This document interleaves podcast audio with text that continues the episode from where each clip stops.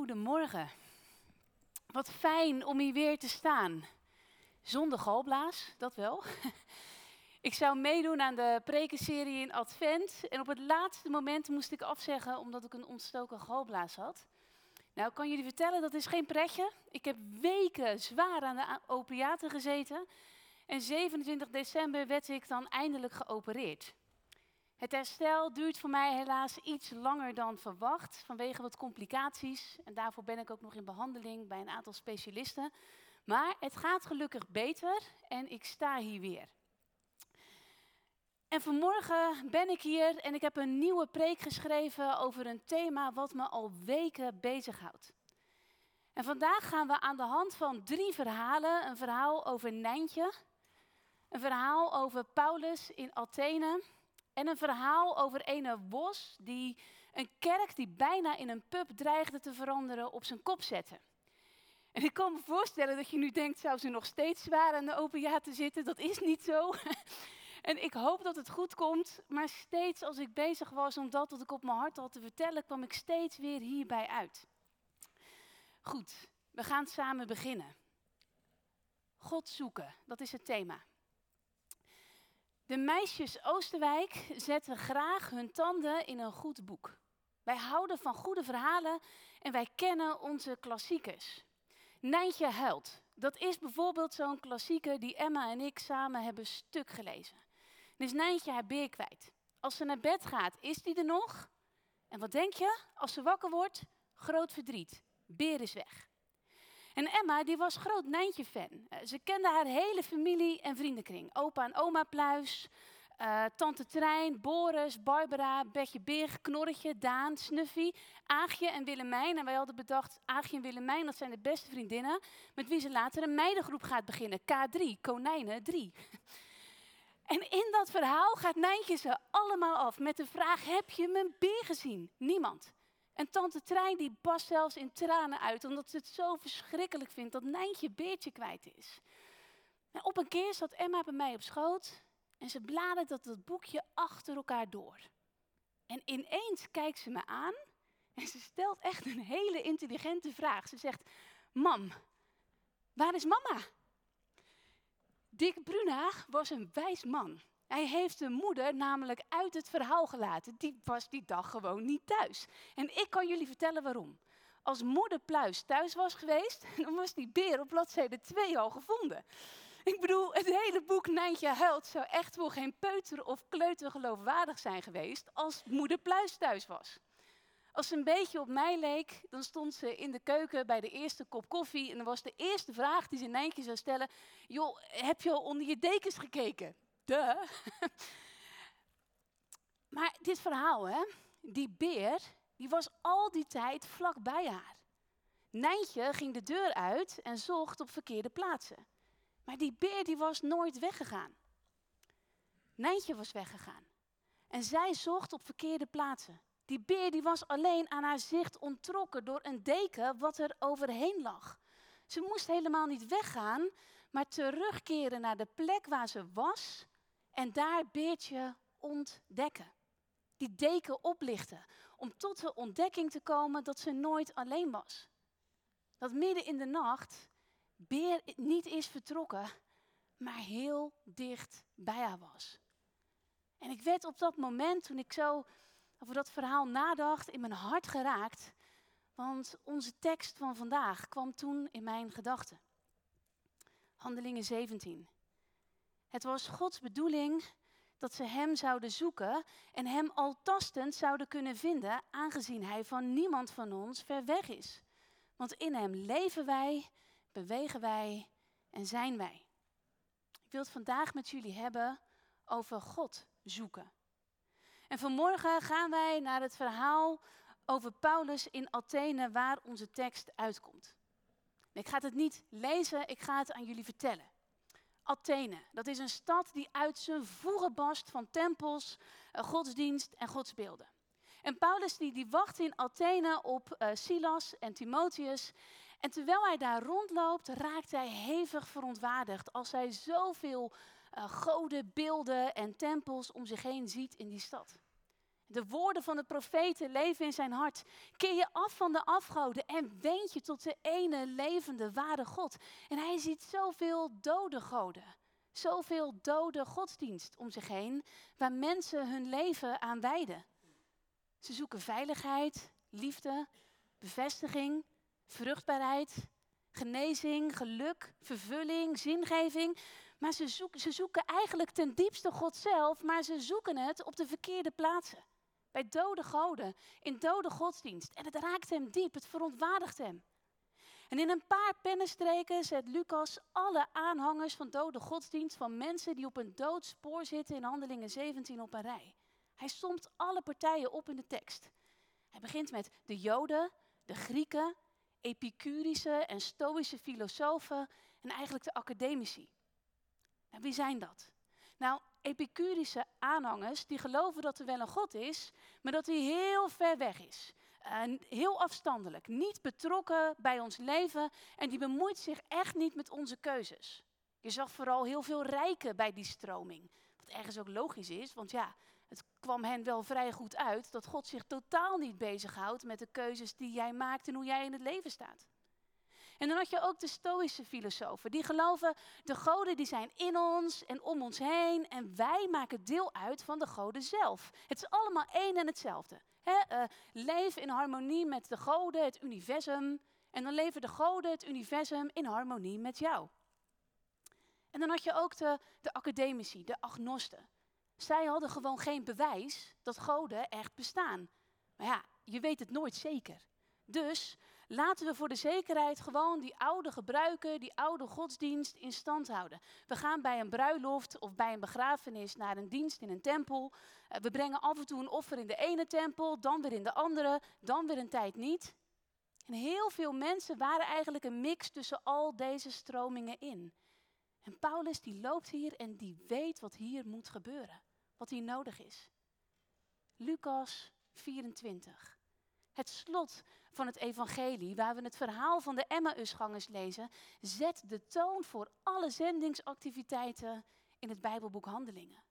Hij weet, pas als de gekruisigde en opgestane Christus verschijnt, als hij begint uit te leggen aan zoekers die in het duister tasten waar de schriften over gaan, wie Jezus is, dat hij moest lijden, maar ook dat hij zou opstaan uit de dood, dan gaat het licht aan. En dan begint er hoop te branden in een zoekend hart. En zoals altijd begint Paulus bij de Joden, die ook net zo goed op een doodspoor zitten. Hij begrijpt hen zo goed. Eens was hij een van hen.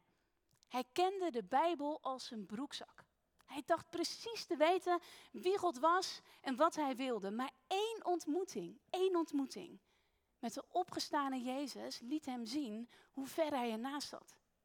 Eén vraag van de levende Heer sloeg zijn eigen gemaakte, vertrouwde godsbeeld en godsdienst, gebaseerd op de Bijbel, aan gruzelementen. Oh, het verhaal van de gekruisigde en opgestane Christus verandert alles. Dat moet centraal staan, weet hij. De opgestane Jezus zelf moet in hun midden verschijnen. En hij bezoekt de synagoge en hij vertelt hoe het grote verhaal van de schriften pas betekenis krijgt, vervulling vindt als je het terugleest vanuit het perspectief van Jezus. Er staat in Handelingen 17 over Paulus. Hij toonde aan uit de schrift dat de Messias moest lijden en sterven en daarna uit de dood moest opstaan. En deze Messias, zo zei hij, is Jezus die ik u nu verkondig. Hij leeft. Dan gaat Paulus de markt op en ook daar vertelt hij het verhaal van Jezus en het verhaal van zijn opstanding. En opstanding, dat is in het Grieks het woord anastasis. En dat kan ook als de naam van een godin opgevat worden. En veel mensen die, die luisteren naar hem, maar ze kunnen er geen touw aan vastknopen. Ze noemen Paulus neerbuigend een woordzaaier. Iemand die, die die woorden all over strooit en je, geen touw aan vast te knopen. En, en ehm, het gaat dan over twee vreemde goden, over Jezus en zijn godin Anastasis. En dan nemen ze hem vast en dan nemen ze hem mee naar de Areopagus. Nou, dat is geen debatteerclub, dat is het hoogste hof in Athene. Paulus staat terecht. Dit is geen vriendelijke uitnodiging om nog eens verder te praten. Er gaat echt een serieuze dreiging van uit. En de aanklacht leidt, luidt, hij verkondigt vreemde goden. Nou, bedenk nu even goed dat de filosoof Socrates dezelfde aanklacht tegen zich kreeg en dat hij hier de doodstraf, de gifbeker voor kreeg. Atheners die stonden erom bekend dat ze altijd open stonden voor nieuwe ideeën. Maar vreemde goden, oeh, dat kon je echt serieus in de problemen brengen. En hier staat hij dan, in de Areopagus, gelegen op, op een hogere rots met een magistraal uitzicht over al die tempels, met al die verschillend denkende mensen voor zich. Een enorme kans om het woord te zaaien. Maar ook ontzettend spannend en een enorme uitdaging. En Lucas die, ja, die, die doet zoiets moois in de manier waarop hij schrijft. Hij laat eigenlijk zien hoe Paulus als een groot meester in schaken al die verschillende schaakborden doorziet. En ze dan in één toespraak langsloopt en overal echt briljante zetten doet. Paulus zegt, ik liep rond in jullie stad en ik zie dat jullie hele godsdienstige mensen zijn. Ik zag een inscriptie op een altaar met de tekst aan een onbekende God. Dus jullie geven het toe. Er is bij jullie onwetendheid. Er is in jullie godsdienst een vraagteken. Ik zal jullie het antwoord geven. Jullie geweldige cultuur. Hier met, met, met al die prachtige tempels, indrukwekkende gebouwen. Het is helaas een enorme vergissing. Er is maar één God. En hij is de maker van hemel en aarde. En die ene God, die leeft niet in tempels die door mensenhanden zijn gemaakt. Hij is niet afhankelijk van mensen die hem dieren komen offeren zodat hij iets te eten heeft. Tegen de Stoïcijnen zegt hij eigenlijk: Jullie hebben wel gelijk. In God leven, bewegen en zijn wij. Ja, hij is alom aanwezig. Maar hij zegt ook: Nee. God is geen goddelijke kracht die in alles en iedereen is en waar wij zelf deel van uitmaken. God is de maker van alles wat leeft. Hij staat erboven en ja, hij is alom aanwezig. Heel dichtbij zelfs. Hij wil dat we hem zoeken. Hij wil zichzelf laten vinden. Hij wil door ons gevonden worden, maar we zijn geen gelijken. Hij is veel groter dan wij. Oh, en, en laat gelijk dan even voor iedereen duidelijk zijn als wij door God zijn gemaakt, uit Hem, uit zijn woord, zijn handen voortkomen, denk dan niet dat God gelijk kan staan aan een beeld van steen of goud wat door onze handen gemaakt is. God is niet in woorden of beelden te vangen. Hij is altijd groter. En tegen die epicurische denken zegt hij, ja, jullie hebben ook gelijk. God die staat inderdaad ver boven deze wereld. Hij leeft ook eigenlijk in een andere dimensie. Maar nee, jullie hebben ook geen gelijk. Want God is geen afstandelijke God. Hij is van niemand veraf. En hij wil een hele persoonlijke relatie met ons. De keuzes die wij maken, doen ertoe. En tegen iedereen, Joden, Grieken, zegt hij, luister goed.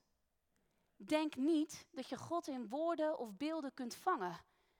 Het is Gods bedoeling dat we Hem blijven zoeken. En tot slot tegen de academici zegt hij: Joh, ik begrijp jullie wel. Jullie konden het eigenlijk ook niet weten. Want jullie hadden gewoon niet genoeg informatie en geen bewijzen. Maar die tijd die ligt nu echt achter ons. Nu moeten jullie tot inkeer komen, want de ene ware God heeft iets heel nieuws gedaan. Hij heeft zijn zoon Jezus Christus gestuurd, die voor ons is gestorven, die het kwaad en de dood heeft overwonnen. En het bewijs hiervoor is dit: Anastasis, zijn opstanding. Jezus leeft. Echt kippenvel dat Jezus hier in de Areopagus zo sterk de opstanding predikt. Want dit was echt niet zomaar een plek. In de vijfde eeuw voor Christus heeft de Athener Aeschylus een toneelstuk gemaakt, wat voor iedereen in de dagen van Paulus bekend was en zeker in Athene. En dat gaat over hoe de god Apollo het gerechtshof de Areopagus heeft opgericht.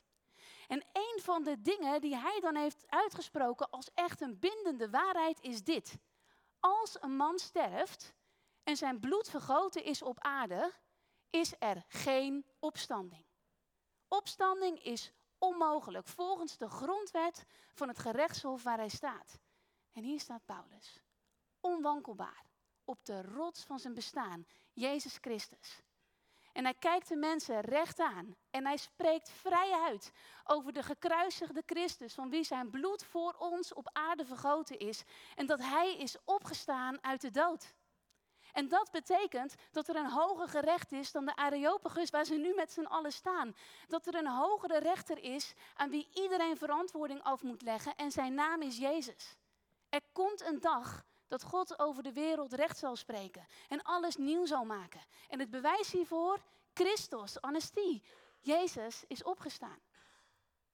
Dit is de context, het verhaal bij de tekst van ons vanmorgen. En dit verhaal, onze tekst over God zoeken, het houdt me al weken bezig. Omdat ik geloof dat, dat vandaag in de kerk en in onze tijd die uit zijn voegen barst. Van zelfgemaakte godsbeelden en godsdienst. Hetzelfde moet gebeuren als wat hier gebeurt. Namelijk heel bewust de opgestane, levende Jezus in ons midden centraal stellen. En ik geloof dat ook wij vandaag de reminder nodig hebben dat het Gods bedoeling is dat we Hem blijven zoeken en dat we Hem dan altastend kunnen vinden, omdat Hij van niemand van ons ver weg is. En ik worstel al een tijdje met de vraag hoe ik dat wat ik dan op mijn hart heb gekregen met jullie kan delen. Geloof me, preken is echt niet zo simpel als het misschien lijkt. En ik ga iets doen vanmorgen wat ik nog nooit heb gedaan. Ik ga mijn preek eh, vanmorgen houden in de vorm van een fictief verhaal. En toen ik dacht, kan dit wel? Dacht ik, ja, maar Jezus vertelde soms ook verhalen om zijn boodschap dichtbij te brengen. Het voorbeeld wat me tot dit verhaal heeft geïnspireerd, dat kwam uit een boek van Andrew Root. Die schreef een klein stukje voorbeeld en dat is in mijn hoofd blijven hangen. En daar heb ik dit verhaal bij gemaakt. Goed, daar gaan we. Het verhaal gaat over de Johannes de Dopenkerk. Het is een kerk met een rijke historie, dat, dat kun je zo zien. Opgericht in 1912. Een gemeente die altijd haar begroting haalde en nooit over haar budget heen ging. Maar toch baarde het gebrek aan sommige leden, aan de groei van sommige leden wel zorgen. Steeds meer gezinnen kozen er namelijk voor om een kerk in hun eigen dorp te zoeken. Of om online ergens hun voeding vandaan te halen. En langzaam, maar zeker zagen ze toch al in dat als het zo doorgaat, ja, dan, dan begint onze kerk serieus te vergrijzen. De omgeving van de kerk zelf was ook enorm veranderd. Er kwamen steeds meer studenten en millennials om hen heen wonen. Dus zonder concreet plan namen ze in 2005 een jonge pastor aan, Luc. En ze gingen ervan uit, joh, als wij nu een jonge pastor hebben, dan komt het wel goed. En hij zat pomvol ideeën. En hij veranderde heel veel, heel snel. Iets te snel voor een kerk met 100 jaar historie. Hij kwam zondagochtend binnen en hij verklaarde: De kerk heet vanaf nu Thrive. Want dat betekent floreren, opgroeien, bloeien. Daar gaat het om, mensen.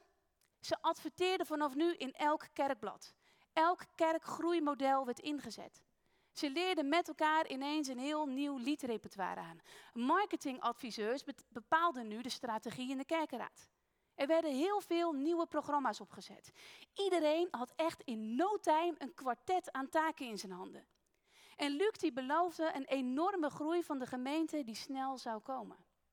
Maar in plaats dat iedereen opleefde en zo enorm floreerde, was iedereen eigenlijk doodmoe. Al deze acties hadden veel trouwe leden gekost en geen enkel lid uit de wijk opgeleverd. Hij vertrok in 2011. Ze moesten op zoek naar een nieuwe pastor. Maar dat ging wel even duren. Er was namelijk nog geen toestemming vanuit de denominatie. Eerst moest er maar eens een onderzoek gestart worden over hoe levensvatbaar en hoe toekomstbestendig de Johannes de Dopenkerk eigenlijk was. Er was niet zoveel overgebleven van de gemeente. Ze kwamen van alles tekort. Vooral leden en geld. Ze moesten de boel voorlopig zelf maar draaiende zien te houden. En het eerste wat ze overboord gooiden, dat waren die 101 projecten van Pastor Luc. En het tweede wat ze deden, dat was hun oude liedbundels weer uit de kast halen. Eén dienst op zondag en de Bijbelstudie op woensdagavond. Dat is alles wat van die 101 projecten en dingen overbleef. Bert was achter in de 50. Hij had voor pastoor Luc een lekenbediening in de kerk gehad en hij nam de pastoortaken waar, samen met Sue.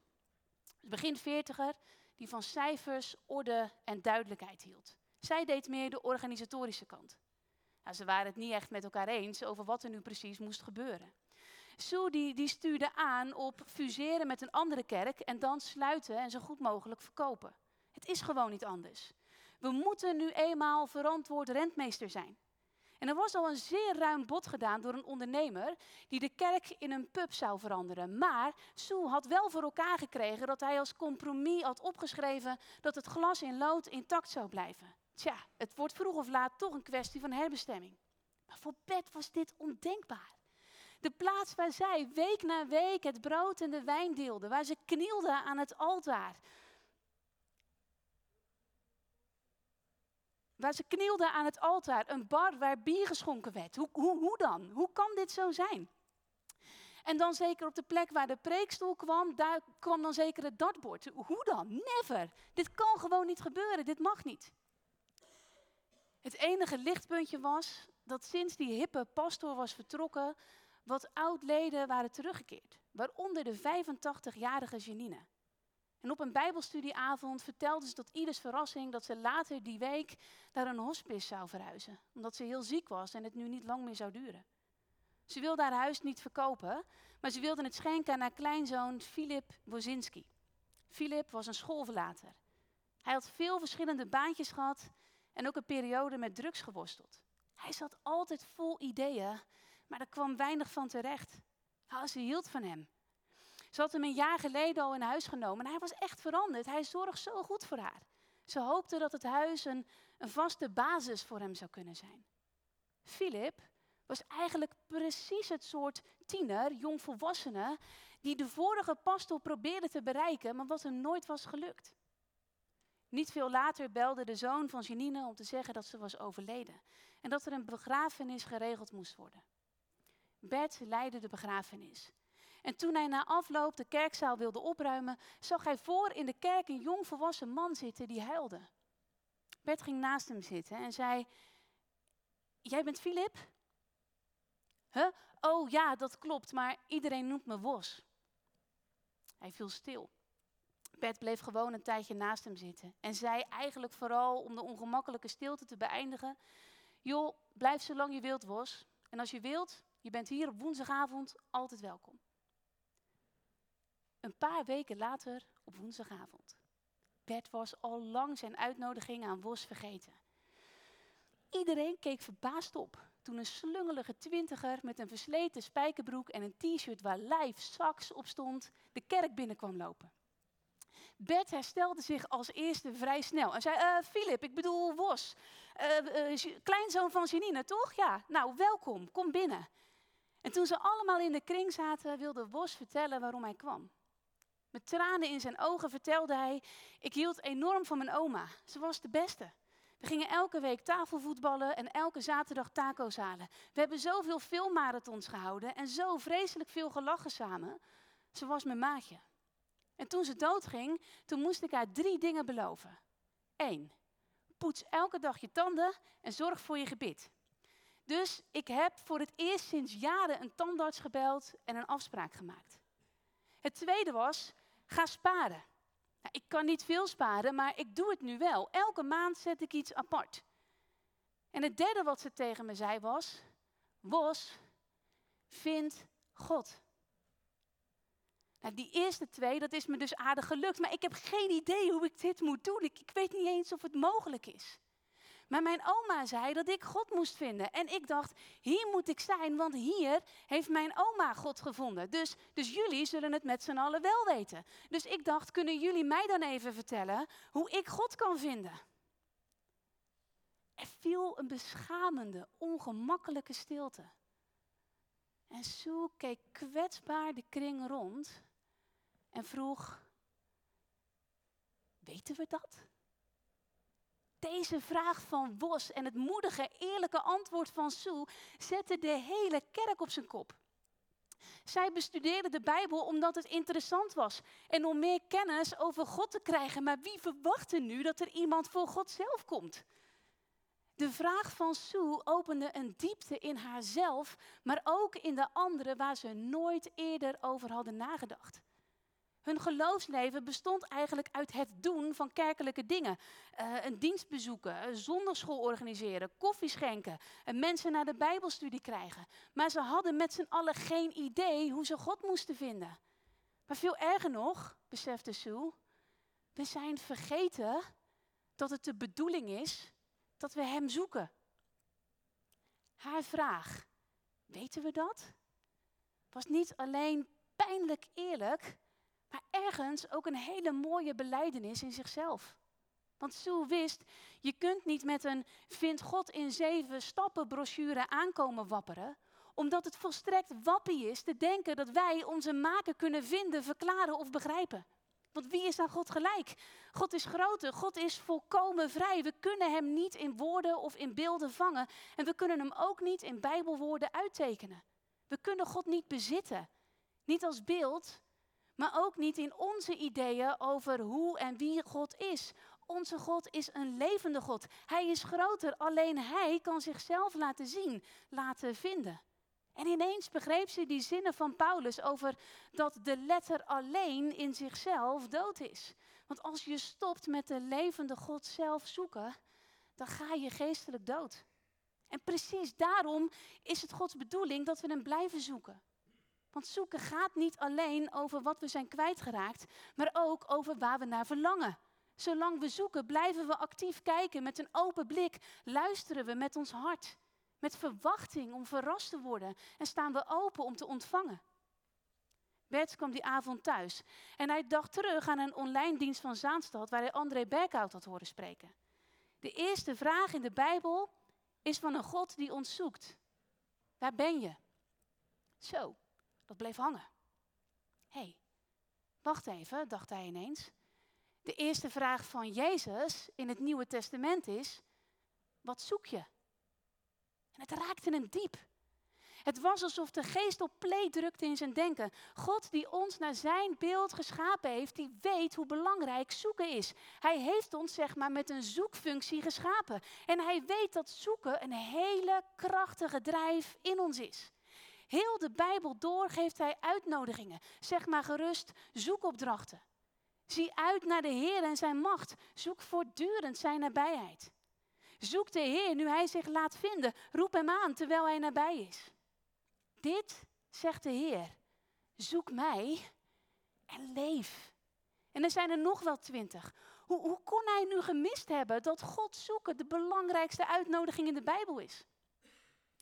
Als de overgebleven leden van de kerk Wos willen helpen om God te vinden, dan moeten zij als mede-Godzoekers aan Wos toegeven dat ze geen idee hebben hoe ze God moeten vinden. God moet zich laten vinden. Want zij kunnen nooit God zelf vinden. Bert printte de nieuwsbrief uit. Hij had deze drie teksten erboven gezet en hij had maar één item voor de hele nieuwsbrief. Jongens, Wos zoekt God. En hij wil dat wij hem helpen om God te vinden. En ineens interesseerden de vragen: wie zijn wij als de Johannes de Dopenkerk en waar zien we onszelf over vijf jaar even helemaal niemand meer? Ze waren niet meer bezig met overleven en het maakte ze zelfs niet meer uit hoe hun toekomst eruit zou zien. Ze waren eigenlijk helemaal niet meer zo met zichzelf bezig. En ineens zagen Sue en Bert samen in dat ze zonder het bedoeld hadden en zonder dat ze het in de gaten hadden, dat de kerk in de afgelopen jaren eigenlijk een soort van de ster van hun eigen verhaal was geworden. God speelde een rol in het verhaal van hun als kerk in plaats van wat het zou moeten zijn, namelijk dat zij als kerk een rol speelden in het verhaal van God. Ze waren zo bezig met activiteiten en programma's, financiële groei, kijkcijfers, ledenaantal. En ineens bedachten ze, ja maar, maar wacht even, de kerk is helemaal niet het doel van God op aarde. Het is de wereld die hij zo lief heeft, dat hij zijn zoon gaf om te redden wie verloren, wie zoek is. Om aan hen nieuw leven te geven. Misschien beweegt en werkt God vooral daar en sowieso wat minder in de kerk. Ze konden alleen God vinden door op Hem te wachten. En ze vertelde Wos dat ze, dat ze hem zouden helpen om God te vinden door samen met hem op God te wachten. En Wos die, die beantwoordde met een brede grijns en nou oké. Elke woensdagavond nam hij overgebleven donutsen van zijn werk mee naar de Bijbelstudieclub. Er werd veel getafelvoetbald en gelachen.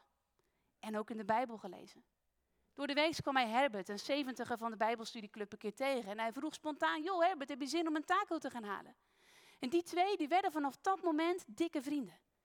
Herbert vertelde pas veel later dat hij eigenlijk vreselijk eenzaam was sinds zijn vrouw was overleden. Totdat hij Wos leerde kennen en elke week met hem ging tafelvoetballen en tacos ging halen. En eigenlijk een heel nieuw leven vond. Iedereen in de Bijbelstudiegroep spoorde andere gemeenteleden aan om met hen te verwachten dat God zich zou laten vinden door hen die hem zoeken. Want God is een beloner voor wie hem oprecht zoeken. God zou Wos vinden. En iedereen wilde zichzelf klaarmaken voor wanneer God zich zou laten vinden. Sue leidde een prachtige, kwetsbare dienst. Waarin ze alle eigen gemaakte plannen over hoe worden wij, de stralende Johannes de Doper Sterkerk, symbolisch verbranden met een breed grijnzende bed achter haar. En ze zei, lieve mensen, daar gaat het dus denk ik niet om. Ik ben helemaal geen theoloog hoor, zei ze. Maar ik zat eens te denken, is Jezus moet meer voor ons worden en wij moeten minder worden. Geen goede slogan voor een Johannes de Doperkerk. Dat het zeg maar iets meer over Jezus gaat en iets minder over ons als kerk. En ze jatten uitspraken uit het Zaanstadkanaal, goede sprekers daar. En die plakten ze er gewoon onder. God is helemaal niet bang voor een crisis, zei ze. Want soms breekt God af voordat hij gaat opbouwen. Oh, en Makarios, stelletje bofkonten. Gezegend zijn we in het zoeken. Gezegend zijn we in het niet weten. Gezegend zijn we in de pijn en in het verdriet, want de ik ben is met ons. Hij geeft vrede midden in een oorlog. Hij troost in hartverscheurend verlies. Hij geeft rust in zenuwslopend afwachten. Want hey, het zendingsveld begint bij je voordeur, weet je? En God wil dat we net als Jezus bij mensen in hun moment van pijn en verdriet kunnen zijn. Dat wij ze lief hebben tot het uiterste. Dat we samen met hen wachten. Juist in situaties waar we de neiging hebben om weg te lopen. Om juist dan te blijven en God blijven zoeken, omdat we weten dat Hij niet ver van ons is. Je kunt er zeker van zijn dat je de gekruisigde Christus juist daar vindt waar mensen lijden. Dat Jezus nog altijd onvermoeibaar zoekt en redt wie verloren is, om juist daar opstanding en nieuw leven te brengen.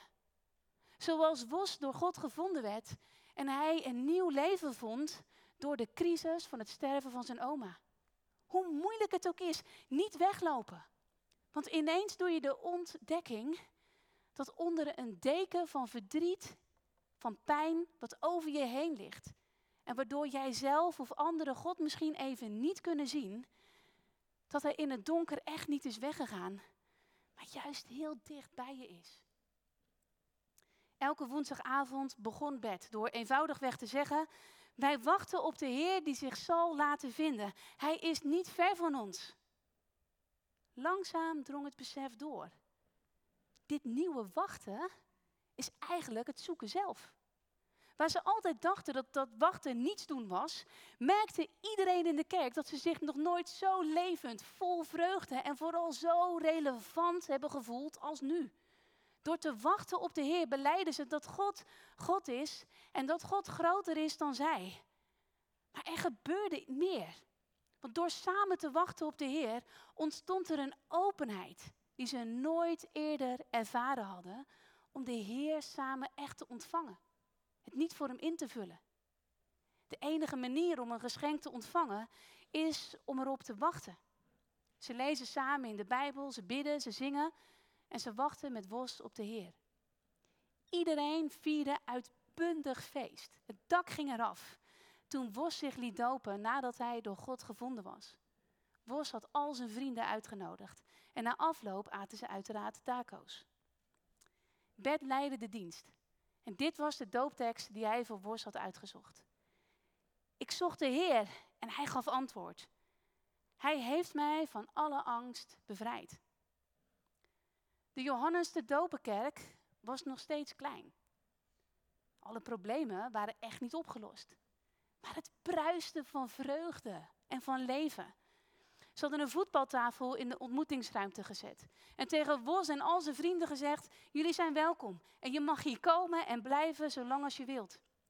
Ze hadden echt geen idee waar ze over een paar jaar zouden zijn. Maar het maakte eigenlijk niemand iets uit, want Christus Anestie. Zij volgen de opgestane Jezus. En die zoekt en redt dwars door elke situatie heen. Wat op een eindspoor lijkt, wat, wat in dood lijkt te eindigen. Juist daar brengt hij altijd nieuw leven. En ze zijn niet bang voor morgen, want hij heeft de toekomst in zijn handen. Het was een hechte gemeenschap geworden van oprechte godzoekers. Die samen als Jezus en met Jezus in het leven en in de wereld wilden staan. Amen. Zoeken gaat niet alleen over de dingen die we zijn kwijtgeraakt, maar vooral over de dingen waar we ten diepste naar verlangen. We zingen met elkaar het lied Dit is mijn verlangen en daarna is er open altaar.